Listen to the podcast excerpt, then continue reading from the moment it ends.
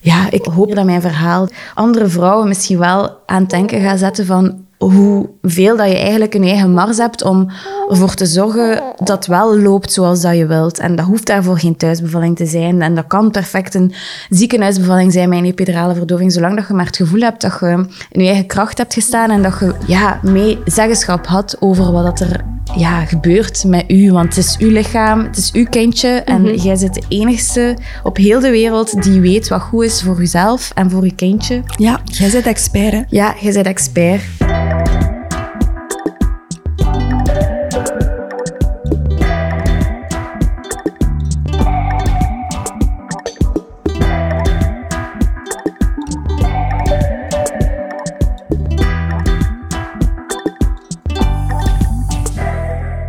Goedemorgen, welkom in de podcast, Kelly. Dag Evie. Hey. Fijn om een bekend gezicht opnieuw voor mijn micro te hebben. Voor de luisteraars, het is een aflevering met Kelly de Vriend, mama van Moos en Suze intussen. Het is misschien fijn om eerst de eerste aflevering te luisteren waarin we Kelly geïnterviewd hebben. Dat was aflevering 3. Het is misschien wel fijn om dan zo'n beetje het vervolg van Kelly, haar verhaal, nu dan te kunnen ontdekken. Vandaag zitten wij dus terug samen, want toen wij de eerste keer samen zaten voor de opname van Moos, dan was jij heel pril zwanger. Ja, heel stiekem zwanger. ik wist het echt nog maar net. Ja, van een, eh, een klein meisje, Suze. Ja. Zij is intussen geboren op 26 december. Ja, En we kunnen haar af en toe ook ja. horen. inderdaad. Ze zit hier bij mij in de draagzak een dutje te doen. Voilà. Dus eh, als je babygeluidjes hoort, het is eh, zij. Misschien interessant om even terug te gaan naar het begin. Je hebt een zoontje Moos, die is 2,5 intussen. Ja. Dus je bent zwanger geworden toen hij ongeveer twee jaar was. Eh, ja, net, net geen twee was hij. Ja. Ja. Was het een evidentie dat jullie voor een tweede kindje zouden gaan na de geboorte van Moos? Tra- een evidentie was het niet. Wel hadden we in ons hoofd van, ja, we willen wel meer dan één kindje. Maar door mijn eerdere ervaring, na de bevalling dan van Moos, was dat voor mij niet, niet zo evident om die stap dan toch te zetten. Heel veel angst om opnieuw mij na de bevalling ja, emotioneel echt niet goed te voelen. Waardoor dat wel bij mij eventjes geduurd had eer ik er klaar voor was. Simon had wel al vrij snel zoiets van... Ik wil wel graag voor een tweede kindje gaan. Je weet opnieuw niet hoe lang dat duurt er dat we opnieuw zwanger zouden zijn. Maar ik heb wel wat meer tijd nodig gehad. Ja. En wat heeft jou geholpen doorheen die tijd om dat duidelijk te krijgen? Ja, de, de tijd ervoor genomen, dat vooral. En ja, ik heb nu ook wel heel wat meer kennis op, allee, opgenomen over, over het hele proces en wat ik meegemaakt heb. Dus ik denk zowel ook een stuk mijn verwerkingsproces, dat eigenlijk door de start van de opleiding, waar dat ik u dan heb leren kennen als perinatale coach, is mijn verwerkingsproces opnieuw in gang gekomen. Ja. En eh, dat heeft mij ook wel heel veel deugd gedaan om daar ja, op een andere manier over na te denken en dat toch nog meer een plekje te geven als dat ik dacht dat ik al een plekje had gegeven. Ja, Ja. Mooi. Inderdaad, we hebben vorig jaar samen die opleiding tot perinatale coach gedaan. En je bent dus op het einde van die opleiding zwanger geworden van, eh Ja.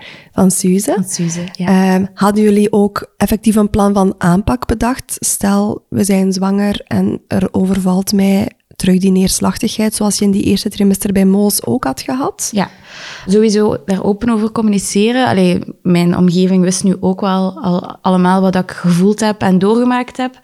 Dus eh, daar sowieso open over zijn. En ben ook direct gestart met consultaties bij de vroedvrouw. Eigenlijk van zodra dat ik een positieve zwangerschapstest heb gehad, heb ik mijn bloedonderzoek ook bij de vroedvrouw gedaan en direct opgestart. Dus dat heeft mij ook heel veel deugd gedaan. En daarnaast, eh, moest ik het nodig gevonden hebben, ging ik ook direct terug contact opgenomen hebben met de psycholoog, waar dat ik na mijn bevalling bij Moos ook bij terecht ben gekomen. Maar de- eigenlijk ben ik pas tegen het einde van mijn zwangerschap erbij gegaan om mij voor te bereiden op de kraamtijd een beetje. Oké, Ja. daar gaan we straks zeker dieper op ingaan. Ja. In de eerste zwangerschap had jij een opvolging voornamelijk bij een gynaecoloog. Je had ook wel een zelfstandige vroedvrouw Ja. eh, of een praktijk onder de arm genomen. Maar de consulten waren hoofdzakelijk bij de gynaecoloog of was dat toen ook al Het gecombineerd? was toen ook al gecombineerd, maar toen toch wel nog meer bij de gynaecoloog als bij de vroedvrouw eh, dan nu. Ja.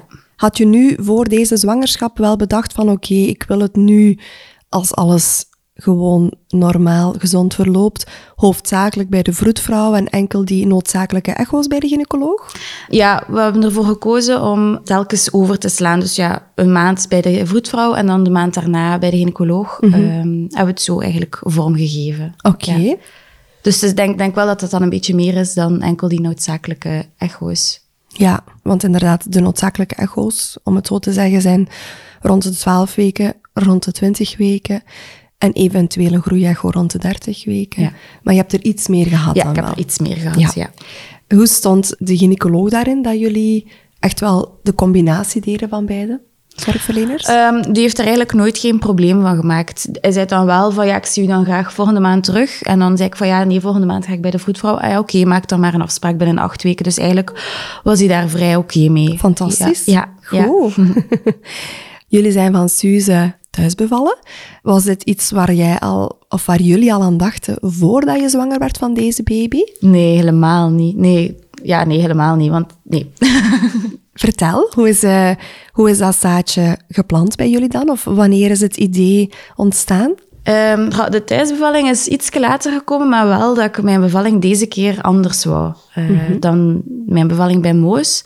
Op zich was mijn bevalling bij Moos echt oké. Okay. Ik heb echt een heel goede ervaring gehad bij de bevalling van Moos, maar achteraf gezien ben ik, ben ik die wel in vraag beginnen stellen en zijn er wel een aantal interventies gebeurd.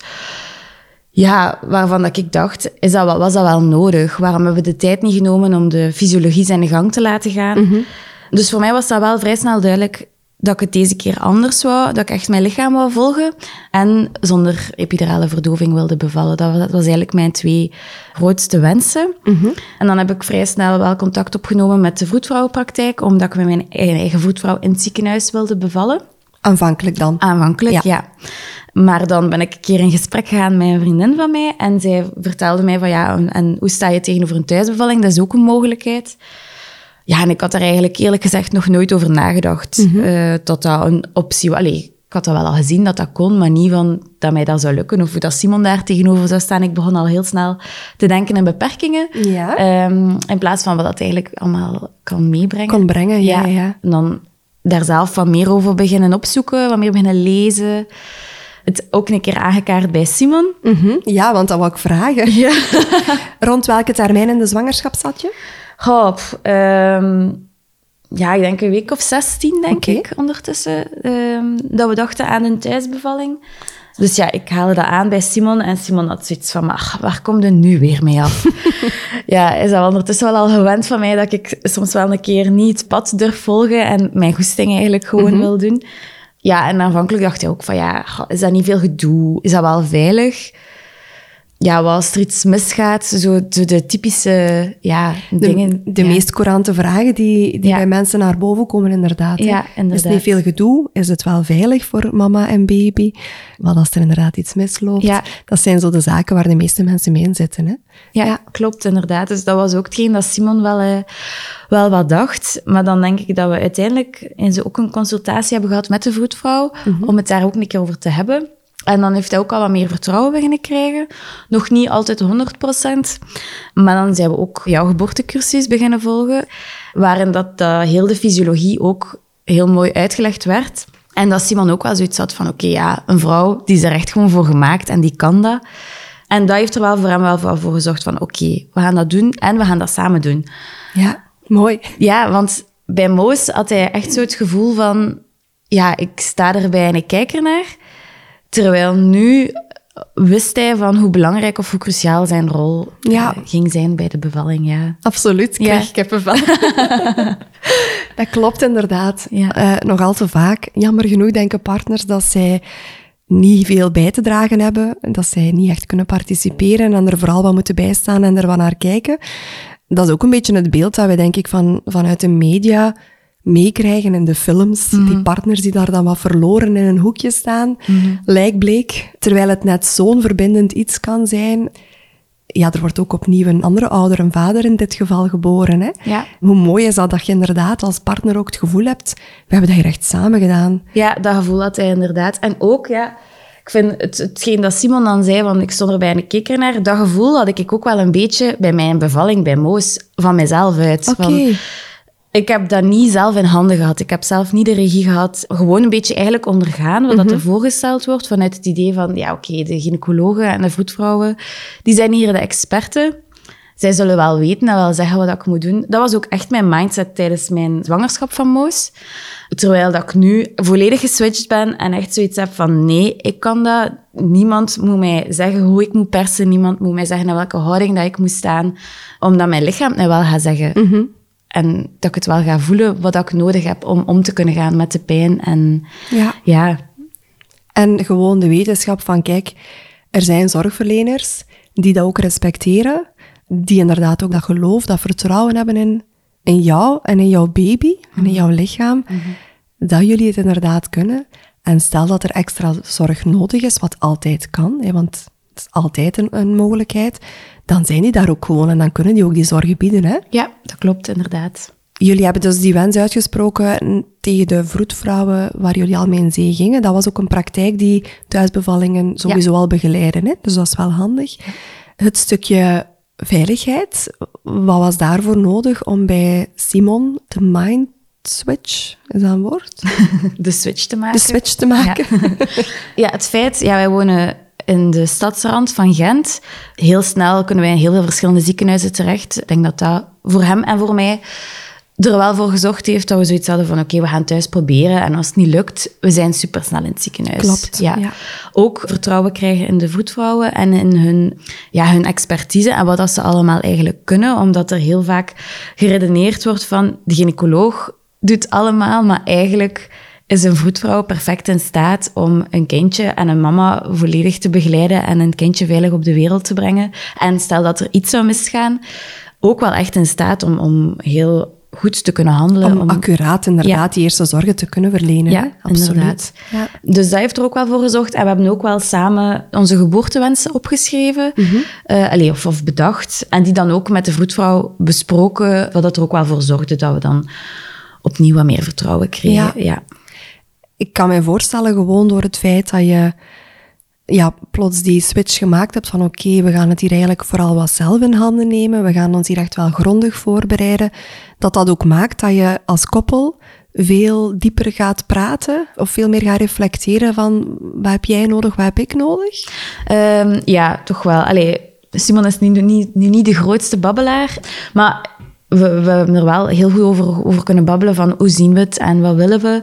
Ook naar communicatie toe, naar anderen. Omdat we ook wel een beetje schrik hadden om uit ons lood geslagen te worden. Ik weet niet of je dat zegt, maar zo, als je het, het vertelt van ja, wij kiezen voor een thuisbevalling, kun je wel al heel snel botsen op, op meningen die gebaseerd zijn op weinig kennis eigenlijk. En angst. En angst, ja, inderdaad, angst. En angst is een super slechte raadgever. Dus dat was voor ons ook wel zoiets van, ja, gaan we dat delen, gaan we dat niet delen? We hebben dan uiteindelijk wel gedeeld naar onze dichte familie, zodat ze wel op de hoogte waren, maar ook erbij gezegd van, wij nemen geen onnodige risico's, wij zorgen ervoor dat het allemaal veilig verloopt.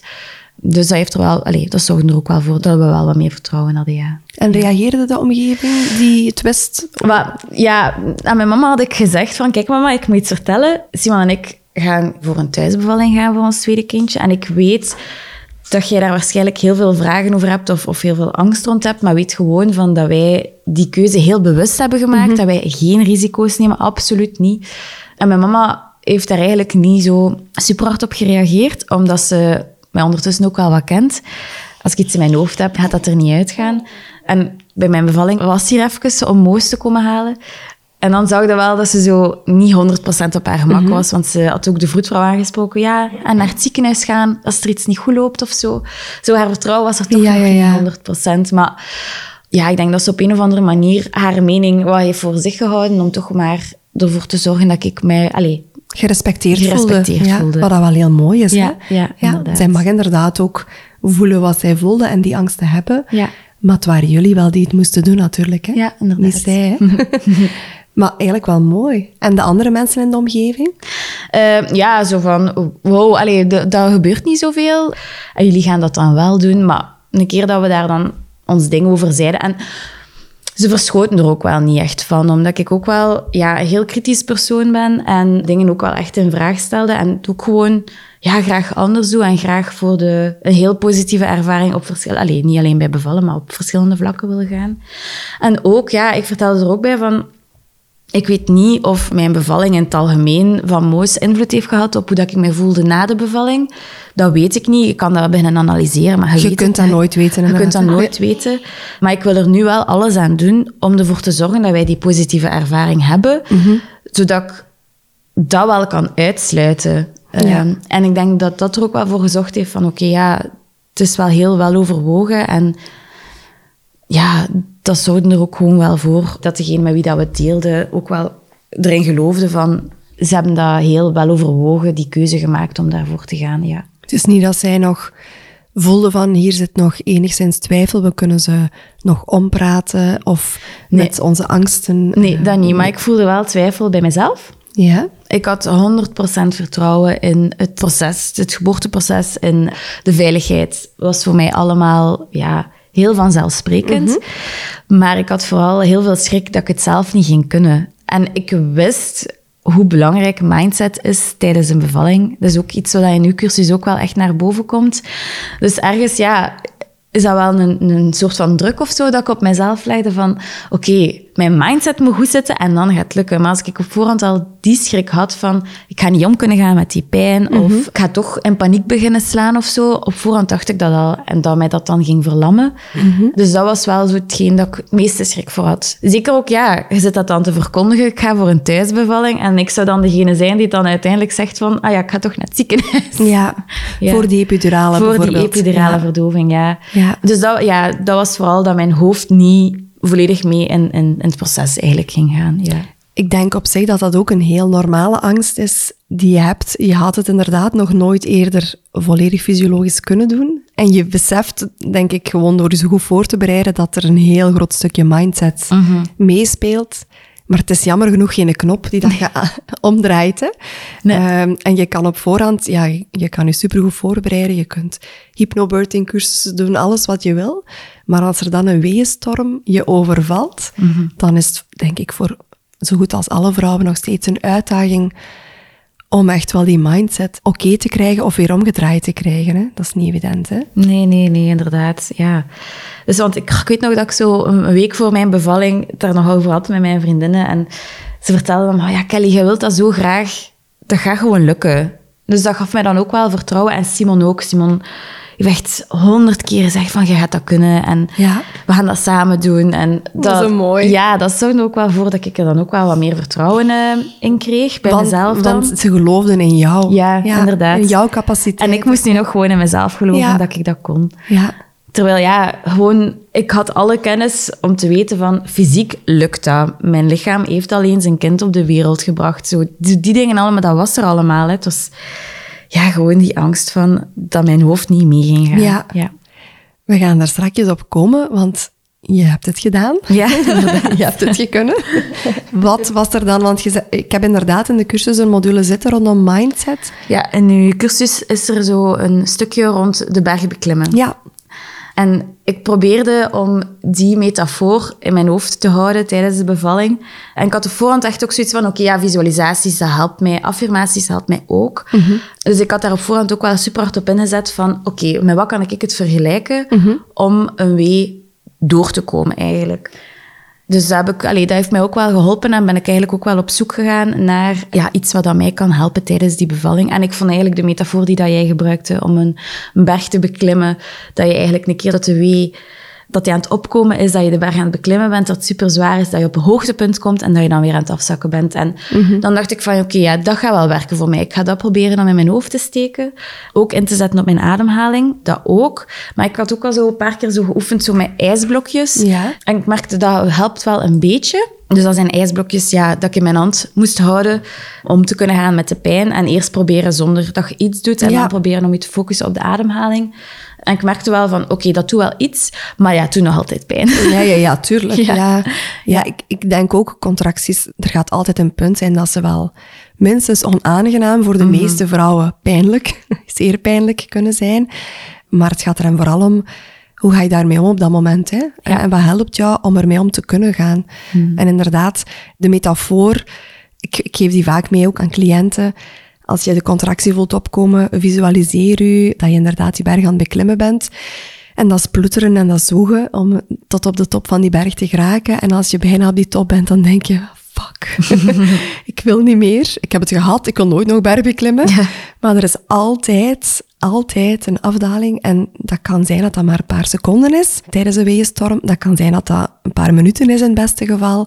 Maar er is altijd een moment om je dan weer mentaal eventjes te herpakken. En wat dat dan kan helpen, is om ook gewoon te denken, oké, dat is weer een berg die gepasseerd is, die komt niet meer terug. Dat is een stapje dichter bij mijn baby, Ja. die straks in de armen is. En ja, die visualisatie, dat kan helpen. Hè. inderdaad. Fijn dat ze jou geholpen heeft. dat is voor iedereen trouwens eh, heel individueel. Hè. Ja. Je kan het bijvoorbeeld ook vergelijken met een bloem die zich opent. Eh, elke contractie dat die zich meer en meer opent. En dat kan je dan een beetje vergelijken met de ontsluiting die baarmoeder als die zich tegelijkertijd ook opent. Dus ehm voilà, dat is, eh, dat is iets inderdaad waar we in de cursus heel hard op proberen inzetten. Hè. Ja. Zijn er zo nog zaken dat je zegt van dat heeft mij ook wel echt geholpen ter voorbereiding op die bevalling? Ehm, ja, zo het, het samenstellen van mijn geboortewens, geboorteplan. Ja, ik had in mijn hoofd dat ik wou thuis bevallen. Dus dat was voor mij heel duidelijk. Ik wilde in bad bevallen. Eh, Ik had allee, daar ook al verschillende dingen over gelezen. Over dat dat één pijnstillend werkt. Maar dat dat ook een, een zachte landing eigenlijk is voor de baby. Dus dat was voor mij wel duidelijk. Maar daarnaast was het ook belangrijk dat ik eigenlijk op zoek ging naar wat als het niet loopt zoals ik het in mijn hoofd heb. Eh, wat als we naar het ziekenhuis moeten gaan. Dus dan moest ik ook een wens of een plan opmaken om daarmee om te kunnen gaan. En ja, ik wist dat thuis, dan is dat normaal dat de fysiologie zo vo- het fysiologisch proces volledig gevolgd wordt. Maar een keer dat je in het ziekenhuis zit, ja, moet je bijvoorbeeld al direct aan de monitor hangen. Hoe ga ik daarmee omgaan? Als ze aan mij vragen om op een bed te zitten of te liggen om de baby te monitoren. Maar ook naar interventies toe van, ja, hoe kijk ik daarnaar? Wat zijn de risico's ervan? Want dat vond ik ook wel vrij tof in je geboortecursus, van de manier waarop dat je naar risico's kunt kijken. Soms wordt er bijvoorbeeld gezegd, ja, ik weet nu niet wat dat exact is, maar als je over de 40 weken gaat, heb je dubbel zoveel kans of zo dat je baby overlijdt. Maar als je kijkt naar de cijfers bijvoorbeeld, is dat heel miniem. Dat gaat dat echt procentueel van, van ja, jij gaat het misschien beter weten dan mij. Het gaat er hem vooral om, ik ga de, de, Ja, nu nee, niet om die percentages nu, maar het gaat er hem om, ken gewoon de cijfers, wat dat voor jou een laag risico is, Ja. kan voor een ander persoon misschien een hoog risico Ja. zijn, of een groot risico zijn. Maar als je de cijfers weet, kan je dat zelf interpreteren. Er wordt al snel bangmakerij gezegd. Ja. Dus als je hoort van, mijn kind heeft dubbel zoveel kans om te overlijden, ja oké, dan ga ik instemmen met die inleiding. Maar als je effectief kijkt naar de cijfers, is dat van, ik zeg maar iets van 0,1 en 0,2 procent, dat is ook een verdubbeling. En zo heb je dan met heel veel verschillende interventies in het algemeen. En dat hielp mij wel van, oké, wat wil ik tijdens mijn bevalling als ik naar het ziekenhuis moet gaan, als er een keizersnede is, om bepaalde keuzes te maken. Ook de Brains-methode, dat is Ja. ook een heel mooie methode die dat ik ook afgeprint heb en mee ging pakken naar het ziekenhuis, moest het nodig zijn, om heel bewust, als er mij een voorstel werd gedaan, bijvoorbeeld om oxytocine op te starten, synthetische oxytocine op te starten, van om daar echt bij stil te staan, bij waarom, ehm, wat, kunnen we daar nog even mee wachten, wat als we dat niet doen, Ja. zo die dingen. Dat hielp mij ook super hard. En dat is ook wel iets dat bij u in de cursus heel mooi is uitgelegd geweest, dat ik op voorhand ook niet bij stilgestaan had, want bij Moos, ja, wist ik dat ook niet en heb ik het ook maar echt gewoon ondergaan. Terwijl ja, soms wordt er iets voorgesteld vanuit ja, gewoonte of protocol. Terwijl dat, dat misschien voor, voor u als, of voor mij als bevallende vrouw helemaal niet nodig is om bepaalde dingen op te starten Ja. of te doen. En ik, ik denk dat het goed is hè, dat er in ziekenhuizen en ook in thuiszetting, we hebben richtlijnen en protocols. Dat is altijd goed om een basis te hebben. Maar verloskunde is maatwerk. Hè. Jij bent niet de gemiddelde persoon. En wat dat wij als zorgverlener aan jou voorstellen, ook al is dat met de beste intentie gelukkig meestal voorgesteld, daarom is dat niet hetgeen wat jij op dat moment ook het meest baat bij zou hebben. En inderdaad, die Brains-methode, dat is een hele goede om echt voor jezelf en ook je geboortepartner eens af te gaan. Oké, resoneert dat inderdaad met wat dat ik wil of met wat dat wij willen? En soms kan het ook helpen met, wanneer je eigenlijk voor twee keuzes komt te staan die je allebei niet fijn vindt, om voor jezelf duidelijker in kaart te krijgen van oké, welke keuze voelt dan toch nog het best voor ons om te maken? Ook al had je ze op voorhand niet willen moeten maken natuurlijk. Want het kan altijd dat er extra interventies nodig zijn. Suze beaamt. Ehm, en daarvoor is die Brains-methode een heel goeie. Ja. Ehm, maar daar ga ik in mijn cursus veel dieper op in. Maar fijn, fijn dat het jullie heeft geholpen. Ja, inderdaad.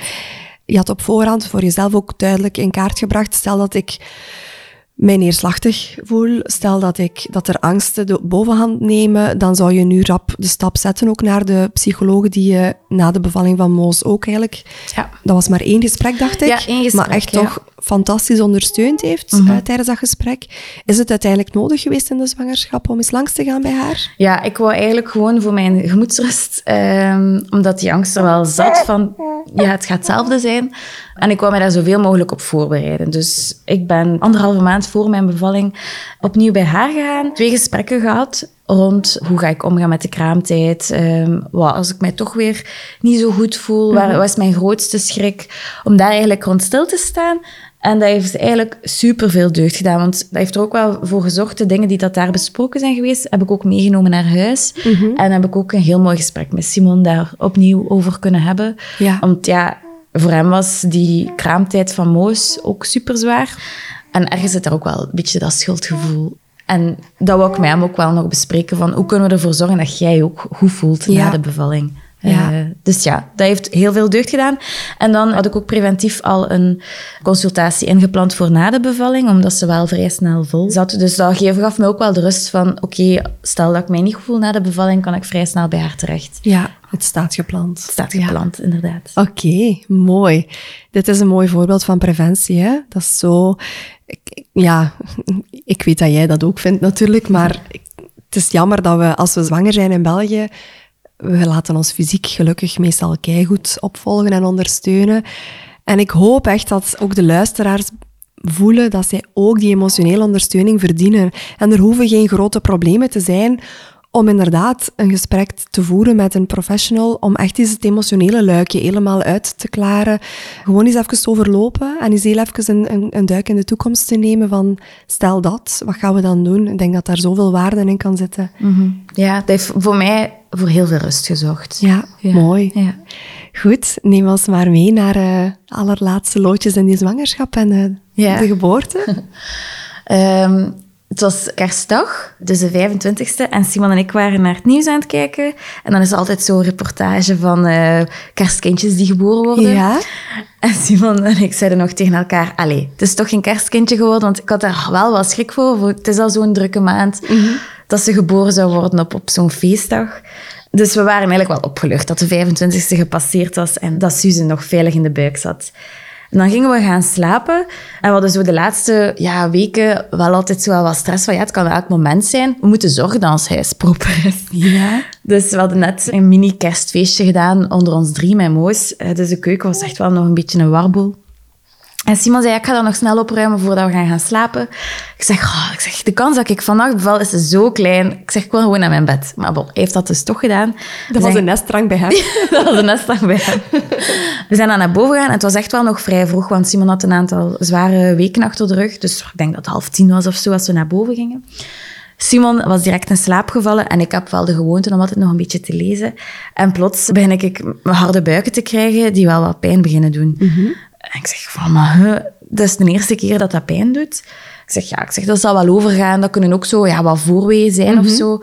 Bij een tweede zwangerschap gebeurt dat ook wel. Wie weet is het alarm. Dus ja, ik doe mijn lichtje uit, mijn boek weg en probeer wat te slapen. Maar ik merk wel van, ja, dat gaat gelijk niet over. Ik ben wel in mijn bed blijven liggen, maar zo rond half één ongeveer. Ja, moest ik naar het toilet gaan, dus ging ik naar het toilet. En op het moment dat ik op het toilet zit, dan, dan had ik echt drie weeën gekregen op, ja, op zo'n superkorte tijd. Ik zeg, ja, ik zeg... Het is hier- begonnen. Het is begonnen. Maar dan dacht ik, ja, wanneer moet ik Simon wakker maken? Want ja, dat bad moet nog opgezet worden, maar voor hetzelfde had het zoals alarm. En wanneer moeten we de vroedvrouw bellen? Dus Ja, het, was echt, ja. het was even in mijn hoofd van, wat moeten we nu doen? Dus ik heb dan toch maar besloten om hem wakker te maken. En dan zei hij, ja, ik ga direct naar de vroedvrouw bellen, want hoe, hoe dat ik u nu zie, ik vind het zo dat ik het niet gemerkt heb, maar ik ga toch voor de zekerheid een keer bellen. Dus hij belt naar de vroedvrouw. Ja, we wisten op voorhand niet wie dat onze bevalling ging opvolgen, omdat dat een praktijk is. Ja, En dat is een wachtsysteem, Ja, hè? een wachtsysteem. En ja, ik had wel een voorkeur van een bepaalde vroedvrouw die dat ik graag bij mijn bevalling had. En zij nam de telefoon op. Ah. Dus ik was even bezig met die wee, maar ik had wel geregistreerd dat Sien was die opnam. En ze vroeg dan, ze zei dan, ja, kan ik je langskomen en we kunnen dan nog zien of dat hem effectief doorzet of niet. Dus ja, we gaan naar beneden, we zetten alles klaar. Ze had ook aangeraden om het bad al op te zetten. En ik was ondertussen het hier wat gezellig aan het proberen maken, mijn affirmaties wat beginnen ophangen. En tegelijkertijd, ja, wat weeën beginnen opvangen. Maar ik voelde gelijk dat ze wel al aan het afzwakken waren in frequentie. Zien kwam dan ook toe, deed dan wat onderzoeken. En opnieuw had ik zoiets van, ja, het is nu gelijk... Niet aan het, stil, het is stiller, maar niet aan het stilvallen, maar gewoon rustiger of zo. En dan zei ze van ja, dat kan, omdat je nu gestoord wordt in je proces. Dat gaat wel straks wel terug op gang komen. Hij had dan ook besloten om te blijven. Dus Simon was alles aan het verder aan het klaarzetten en ik was mij aan het focussen op die weeën die wel wat intenser begonnen worden. Maar Sien had mij dan ook onderzocht en uh, ja, mijn ontsluiting gemeten. En ik denk dat dat nog maar drie centimeter of zo was. En ik, had, ik was zo wel licht teleurgesteld. Want op voorhand had ik zoiets van, ik wil het eigenlijk niet weten hoe ver dat ik sta voor mijn mindset. Ja. dus ik was wel zo wel licht teleurgesteld en dacht van, oh, we hebben daar nu toch niet te vroeg gebeld. Want ja, het was midden in de nacht. Maar anderzijds weet je ook, mijn tweede bevalling kan supersnel gaan. En je weet ook, die ontsluiting zegt niet alles, hè? Nee, dat is waar, inderdaad. dat klopt. En op een bepaald moment zegt Simon van, "Ah, ik ga uw mama bellen. Dat ze Moos komt halen, want ik ben niet op mijn gemak. Stel dat het toch veel lawaai begint te maken of zo, en hij wordt wakker. Of stel dat je bevalt en hij wordt wakker. Dus mijn mama is Moos aan komen halen. Dat stond een uur of drie, denk ik. En dan daarna zei ik van, ja, ik ben echt super moe. Ik had nog niks geslapen. Ik zou zoveel deugd hebben om gewoon even te slapen. En dan had de voetvrouw voorgesteld van, ja, leg je even neer. Wie weet kunnen nog wat slapen. Dus ik leg mij neer en net op dat moment krijg ik zo één ja, super pijnlijke wee. Het voelde ook niet echt als een wee. Dat was ja, gelijk een steek in mijn buik. Ja. En mijn water was gebroken. Ik wist niet dat dat zoveel pijn kon doen, maar wel... Dat, misschien was de houding waarin dat ik lag dat ervoor zorgde dat dat pijn, zoveel pijn deed. Het aan zich breken, scheuren van de vliezen is niet pijnlijk. Daar zitten geen zenuwen in. Maar het zal inderdaad gepaard gegaan zijn met een stevige contractie Ja. op dat moment. Hè? Ja, ja. inderdaad. En dan daarna is het wel ja, wat meer in gang geschoten. Zijn mijn weeën veel intenser op mij beginnen afkomen. Had ik ook echt Simon nodig om die weeën op te vangen. Ik zat ook heel tijd in dezelfde positie, met mijn knieën op de grond, leunend tegen de zetel, zo recht voorover. Ja. Dat was een fantastische houding. Ook, ik had ook een warmtekussen rond mijn buik en rond mijn rug gezet, om om te gaan met de pijn. Wat dat ook heel goed hielp. Maar dan merkte ik van, oké, ik moet wat meer beginnen bewegen. Want de weeën worden intenser. En deed mij deugd om te hangen aan Simon. Dus Ja. eigenlijk was zij bij elke wee aanwezig. Hebben we elke wee samen gedaan. En kon jij rond zijn nek eigenlijk ik kon hangen? rond zijn nek hangen. En hij was ook... Ja, we hadden zo geleerd om zo te zoomen tijdens de contractie. En hij heeft dat ook samen met mij meegedaan. Dus dat, allee, dat hielp wel. We waren dat echt samen aan het doen. En dan, op een bepaald moment, had ik zoiets van... Ja, ik denk dat ik in het water wil gaan. Dat bad stond klaar. Ben dan in het water gegaan. Ook Simon heel tijd bij mij gebleven. Ik ben eigenlijk ook heel tijd in dezelfde positie gebleven. Ik heb mij op dezelfde positie in bad en uit bad gezet. Dus met mijn knieën op de grond, vooroverleunend op dat bad. Simon, die mij vasthield eigenlijk en bij mij was. Maar ik merkte van, ah, mijn mindset die wil niet mee, echt waar. Ik was mij daar zo op aan het focussen van dat ik mij op mijn ademhaling moest focussen. Maar dat ging niet. Ik kon dat niet wegblazen, ik kon dat niet wegzoomen. Dat begon zo intens te worden, zoveel pijn.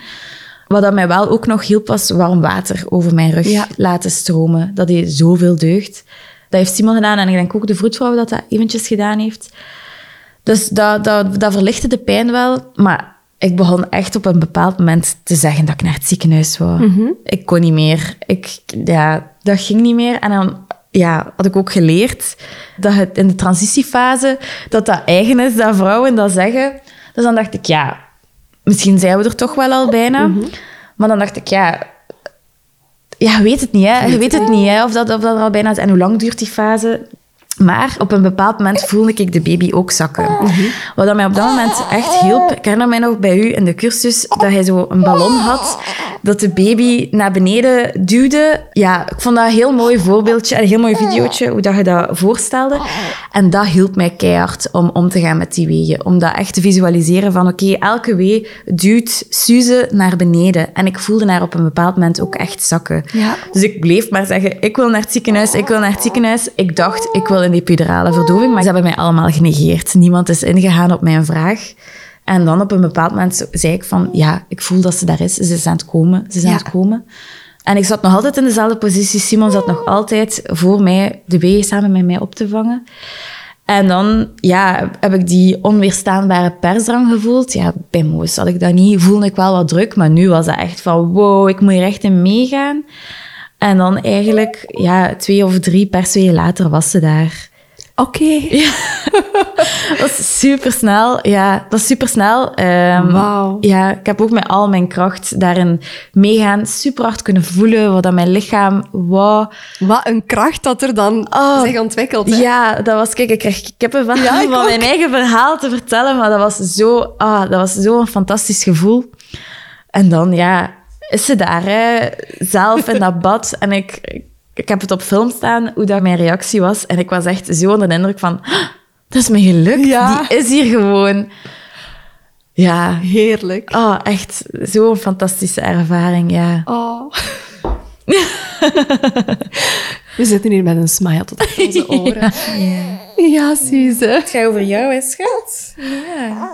En het is dus duidelijk, jij was inderdaad hoogstwaarschijnlijk in die transitiefase. Misschien voor de luisteraars een beetje verduidelijking.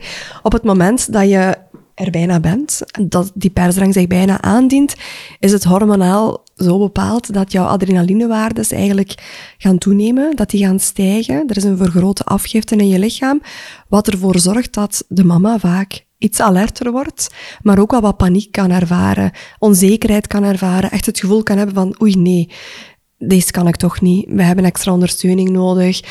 Ik wil niet meer. Waar ben ik aan begonnen? Ik wil naar het ziekenhuis. Dat zijn de hele typische gedachtepatronen die er dan naar boven komen. En gelukkig, heel vaak wil dit eigenlijk zeggen dat je er bijna bent. Die verhoogde adrenalineafgifte, die verhoogde alertheid, waakzaamheid, maakt eigenlijk dat je ook onmiddellijk alert kan reageren als jouw kindje dan inderdaad kort daarna effectief geboren wordt.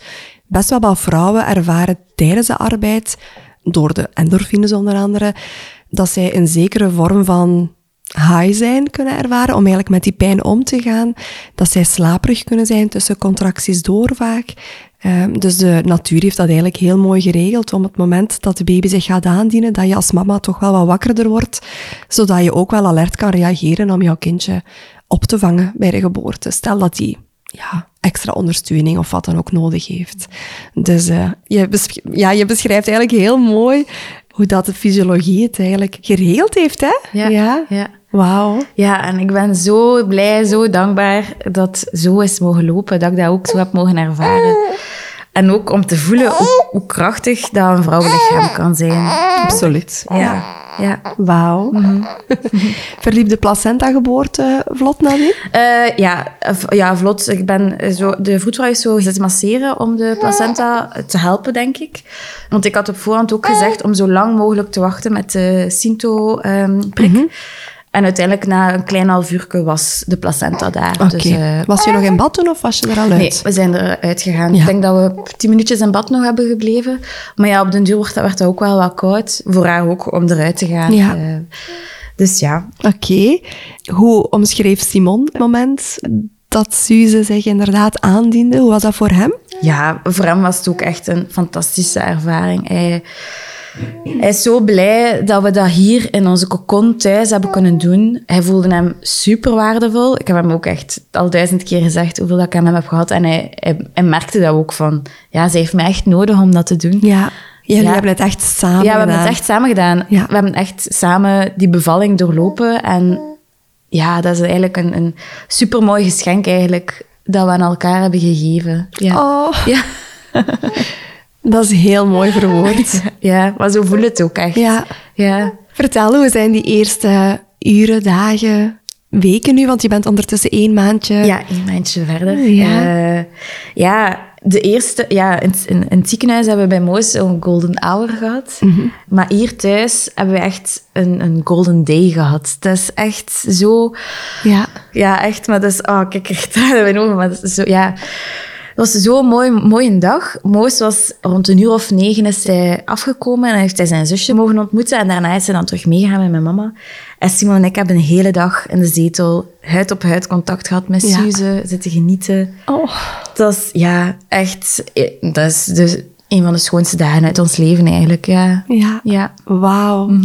Zalig. ja echt, echt fantastisch. En dan de dagen daarna, ja, ik, ik, ik wist niet... Ja, ik wil dat niet zeggen van een roze wolk of zo, totaal niet. Maar bij Moos was mijn wolk zo grijs en, en donker en regen. En bij haar voelde dat zo licht. De, de, de overgang, allee, haar geboorte was super zacht. En ik heb eigenlijk die overgang naar een gezin van vier ook zo ervaren. Ja. Uiteraard zijn de kraamtranen en de, de babyblues en de bezorgdheden en de struggles met de bosvoeding, die waren ook, zijn ook allemaal de revue gepasseerd. Maar over het algemeen was het allemaal zo zacht en zo liefdevol en op ons eigen tempo, dat er echt voor zorgde dat we... Ja, het was ook in de kerstvakantie, hè, dus Moos Ja. heeft heel zacht kunnen wennen aan het idee dat zijn zusje er nu was. Dat was wel super raar voor hem. Van de baby uit de buik... Huh? is dat die baby die in de buik zat? Ja, ja, ja. En die gaan niet meer weg. En die gaan niet meer weg. Maar alles samen was zo fijn. Echt, ja, ik wist niet dat het kon na mijn ervaring bij Moos, hoe dat we het nu hebben. Het is eigenlijk van, zo, van bevalling en alleen mijn zwangerschap eigenlijk ook helemaal anders dan, dan bij Moos. Ja. Ja, Wauw. en echt ja, super, super positieve ervaring. Het enige wat ik wel gemerkt heb, ja, mijn babyblues waren zo wel altijd gelinkt aan een bepaald gevoel.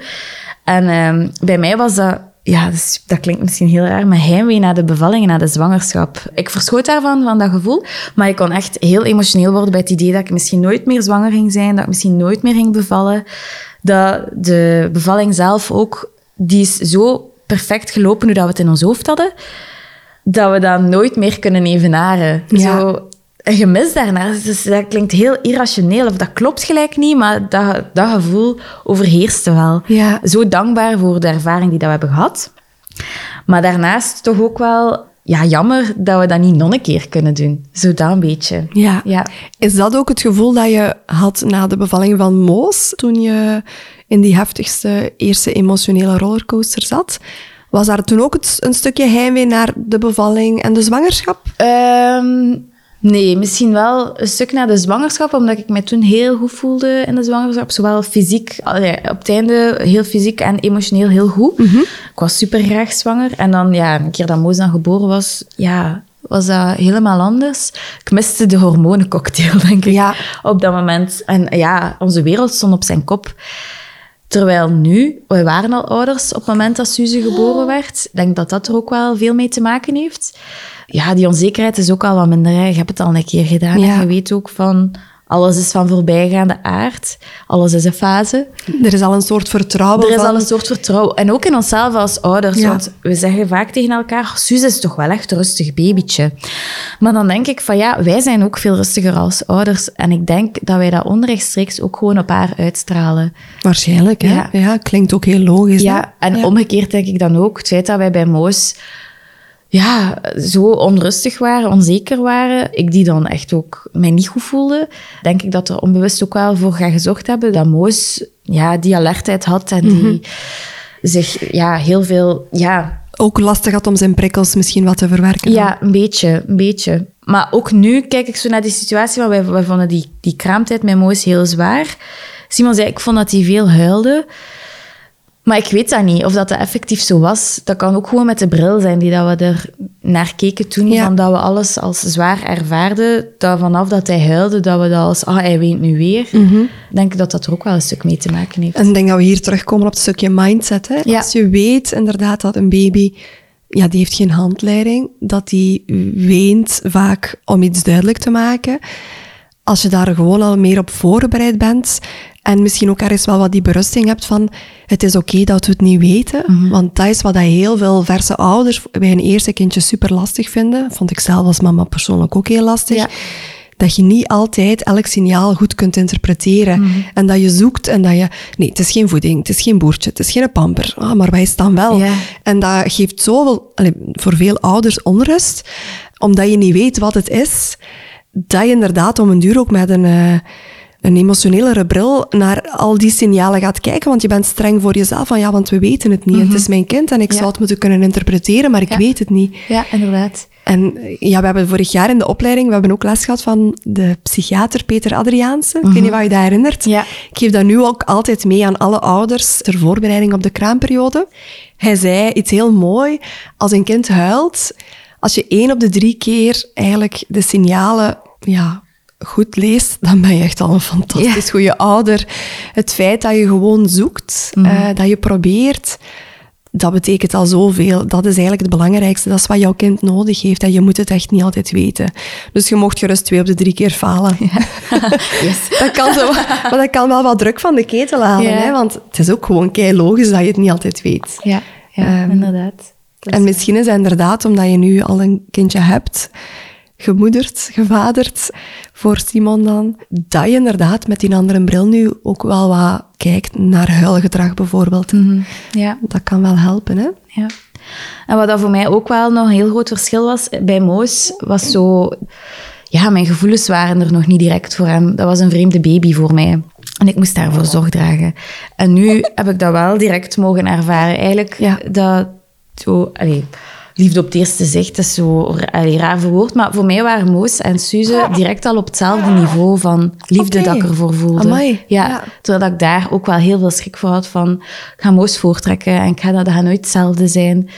Maar ik heb dat nu wel op die manier wel zo mogen ervaren. En dat doet heel veel deugd dat mij dat deze keer wel gegund is. Ja, om, eh, kan om ik me voorstellen. Ja. ja. Dit is, vermoed ik, ook iets wat je op voorhand met die psychologen wel besproken had. ja zeker. Want het is heel vaak, misschien wel interessant voor de luisteraars, het is heel vaak wel zo inderdaad, hè, dat, dat die liefde voor dat andere kindje, die is vaak anders, die moet groeien. Mhm. ehm, die staat vaak niet op hetzelfde niveau van in het begin. En dat is ook helemaal oké als dat niet is. En als dat wel is, is dat ook helemaal oké. Ja. Kan alleen maar kei fijn zijn, denk ik. Mhm. eh. Ja, maar ja, die angst was er dus wel. Hè. Dus ik ben nu wel blij dat dat niet zo was. Want ik wist dat dat niet vanzelfsprekend was. En dat de kans heel groot was dat het niet zo ging ja, ja. Geloof je daarin dat dat misschien ook een stukje te maken heeft met hoe dat zij in alle rust, alle vertrouwen op jullie terms, hoe zeg je dat, op jullie voorwaarden, geboren is mogen worden? Ik denk dat wel. Ik denk dat dat zowel voor haar als voor, voor mij als voor Simon ervoor gezorgd heeft dat dat ja, zo zacht is gekomen. En ik denk dat dat, dat, dat daar wel mee te maken heeft, ja. Ja, mooi. Ja. Ik ben benieuwd, je hebt bij Moos borstvoeding gegeven, wat geen makkelijk parcours was in het begin. Ja. Eh, Een heel pittig eh, parcours, herinner ik mij. Je had die intentie om deze keer terug te borstvoeden, of niet? Ja, ja. Ehm, ik, ik had die intentie inderdaad om het terug te proberen, omdat ik toen ook wel dacht van... Ja, misschien had mijn, mijn gevoel daar iets mee te maken dat niet lukte. Dus opnieuw hebben we het nu geprobeerd. En al vrij snel werd opnieuw duidelijk dat mijn productie niet hoog genoeg was of is om haar volledig te voeden. Maar nu heb ik wel de draagkracht om er alles uit te halen. Ehm, Letterlijk en letterlijk en figuurlijk. Wat mogelijk is. Dus ja, op dit moment krijgt ze nog altijd een heel klein stukje borstvoeding. Kunstvoeding is haar, hoofd, allee, haar hoofdvoeding. Ja. Maar we hebben elke dag nog onze borstmomentjes. Ik golf nog elke dag Ja. en geef haar bij wat ze kan krijgen. Wauw. Ja, ja. En dat is ja, misschien ook wel, het is door die borstverkleining een aantal jaar geleden dat dat, dat fysiek voor mij niet mogelijk is om haar 100% te voeden. Maar het doet mij wel deugd dat dat nu wel lukt. Ja. Maar ergens doet dat ook wel pijn dat ik dat Moos niet heb kunnen geven. Want de mama dat ik nu ben voor Suze, heeft Moos nooit gehad. Ja. En ehm, dus dat vind ik zo, zo jammer dat hij dat niet gekregen heeft. De rustige, de vol vertrouwen. ehm allee, vol vertrouwen, maar nu niet. ik heb ook mijn onzekere momenten, hè, maar Ja, ja. Ja... Je staat er anders in Ik nu. sta er helemaal Ja. anders in. Ik, had al een par ik heb een, Moos heeft mij mama gemaakt en ik heb al een parcours afgelegd als mama zijnde. En Suze werpt daar nu de vruchten van af. En het doet mij gewoon een beetje pijn dat ik Moos dat niet heb kunnen geven. En dat is wel eh, ja, een wonde die dat er wel blijft. En dat is, dat is jammer, maar dat moet ik accepteren. En hoe zou je dat kunnen omdraaien? Eh weet het niet. Ga je beginnen coachen? Je moogt, doe maar. Nee, maar ik kan mij daar zeker iets bij voorstellen. En ik kan me ook voorstellen dat dat een pijnlijk besef is. Maar langs de andere kant floreert Moos nu ook mee op hoe het nu gaat. En je hebt het gedaan met de kennis die je had.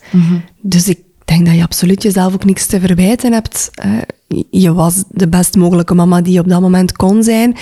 En ik denk dat het ook heel onrealistisch is om te verwachten dat je de mama die je nu bent had kunnen zijn bij een eerste kind. Want je had niet die bagage, je had niet die ervaring in je rugzak zitten.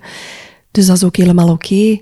Dus ik hoop wel dat je op termijn, maar je bent nu maar een maand na je geboorte, hè, maar ik hoop echt voor jezelf ook dat je op termijn wel, wel ook met liefde naar jezelf kan kijken. Dat jij gewoon de best mogelijke mama voor Moos altijd al geweest bent. En hij profiteert mee van de vruchten die nu afgeworpen worden. Hè? Ja, dat is waar. Dat is wel mooi gezegd.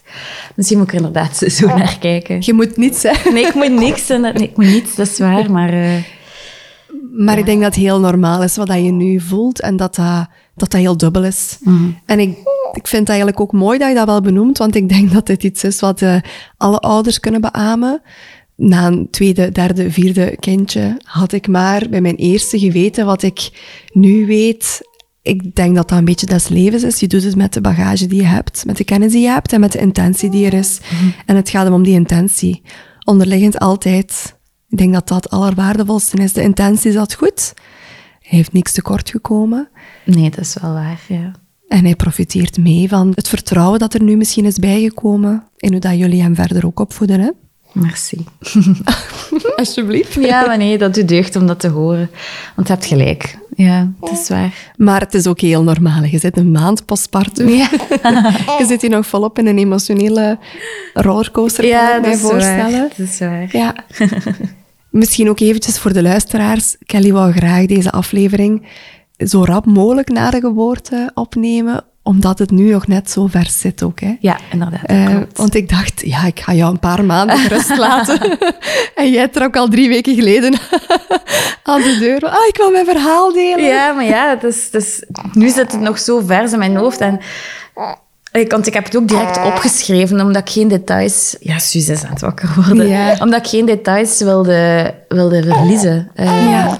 Dus vandaar dat ik het belangrijk vond om het zo snel mogelijk te doen. En dat doe ook deugd om, om het een keer te kunnen vertellen. Ja, om het eens door te praten. Ja. Is er nog iets wat jij wilt toevoegen, Kelly? Um, ja, misschien wel. Het feit dat ik nu zo een super positieve bevalling heb mogen ervaren, of dat dat nu thuis was of in het ziekenhuis, ja, ik, had, ik heb dat bij Moos niet gehad. En omdat ik toen niet redeneerde van op dezelfde manier als dat ik nu doe, hoop ik toch op een of andere manier dat mijn verhaal dat ik nu heb mogen delen, andere vrouwen misschien wel aan het denken gaan zetten van hoeveel dat je eigenlijk een eigen mars hebt om ervoor te zorgen dat het wel loopt zoals dat je wilt. En dat hoeft daarvoor geen thuisbevalling te zijn. En dat kan perfect een ziekenhuisbevalling zijn met een epidurale verdoving, zolang dat je maar het gevoel hebt dat je in je eigen kracht hebt gestaan en dat je ja, mee zeggenschap had over wat dat er ja, gebeurt met u. Want het is uw lichaam, het is uw kindje. En mhm. jij bent de enigste op heel de wereld die weet wat goed is voor uzelf en voor uw kindje. Ja, jij bent expert, hè? Ja, jij bent expert. En ik hoop dat, ja, dat er toch wel een mindset switch komt. Want had ik er iets gezegd van dat pas bij een tweede kindje is dat vrouwen het anders willen doen. Bij mij was dat ook. Maar ik hoop, ik, ik probeer dat bij mijn vriendinnen ook wel al te doen bij een eerste bevalling van probeer je zo goed mogelijk voor te bereiden. Krijg zicht in wat dat er fysiologisch allemaal gebeurt, wat dat de ingrepen zijn, zodat je eigenlijk goed voorbereid aan het proces kan beginnen. Want ja, hoe dat het ook draait of keert, je bevalt niet vaak in je leven. Mhm. Want dat vond ik ook wel heel belangrijk. Je doet dat echt bijna nooit. Zorg ervoor dat het iets is waar dat je warm op kunt terugkijken. Ja, ehm, ongeacht hoe die bevalling gelopen ja, inderdaad, is. ongeacht hoe dat ze loopt, dat is waar. Want, want dat is niet te voorspellen, hè? Nee. Inderdaad, je hebt veel niet in de hand. Dus dat hoop ik eigenlijk wel een beetje. En uw cursus heeft mij daar ook wel super hard mee geholpen. Ik heb die samen met Simon ook bekeken, hier thuis, op ons gemak. Dat vond ik echt een super groot voordeel, dat dat gewoon thuis in de zetel kon. Ja. Dat we geen opvang moesten zoeken voor Moos op die momenten. En ook gewoon op ons tempo, dat we iets konden opnieuw bekijken. Eh, ja. Dus dat heeft heel veel deugd gedaan. En ja, ik gun iedereen een goede voorbereiding en een warme bevalling toe. Ja, ja, dat is mooi. Ja. Dankjewel, Kelly. Ja, ik, uh, ik kan daar niks aan toevoegen. Je hebt mijn boodschap begrepen, duidelijk. Bedankt om te luisteren naar het tweede geboorteverhaal van Kelly. Ze is zelf werkzaam als perinatale coach. Als je benieuwd bent naar haar aanbod, neem dan zeker een kijkje op nestenondersteuning.be. Indien je benieuwd bent naar de cursus die Kelly en Simon gevolgd hebben, Neem dan zeker een kijkje op mijn website buikgevoel.be. Zo heb ik een online geboortecursus en daarnaast lanceer ik binnenkort een online borstvoedingscursus. Ook ben ik aan de slag als perinatale coach. Indien je graag meer info wenst, aarzel niet om mij te contacteren. Je helpt mij enorm door deze podcast te delen met iedereen die hier iets aan zou kunnen hebben. Als je hem deelt op sociale media, vergeet me dan niet te taggen. Ik waardeer het enorm mocht je ook een review plaatsen. Dat doe je eenvoudig in de app waar je luistert door op de sterren te klikken. Dankjewel om te luisteren en tot de volgende keer.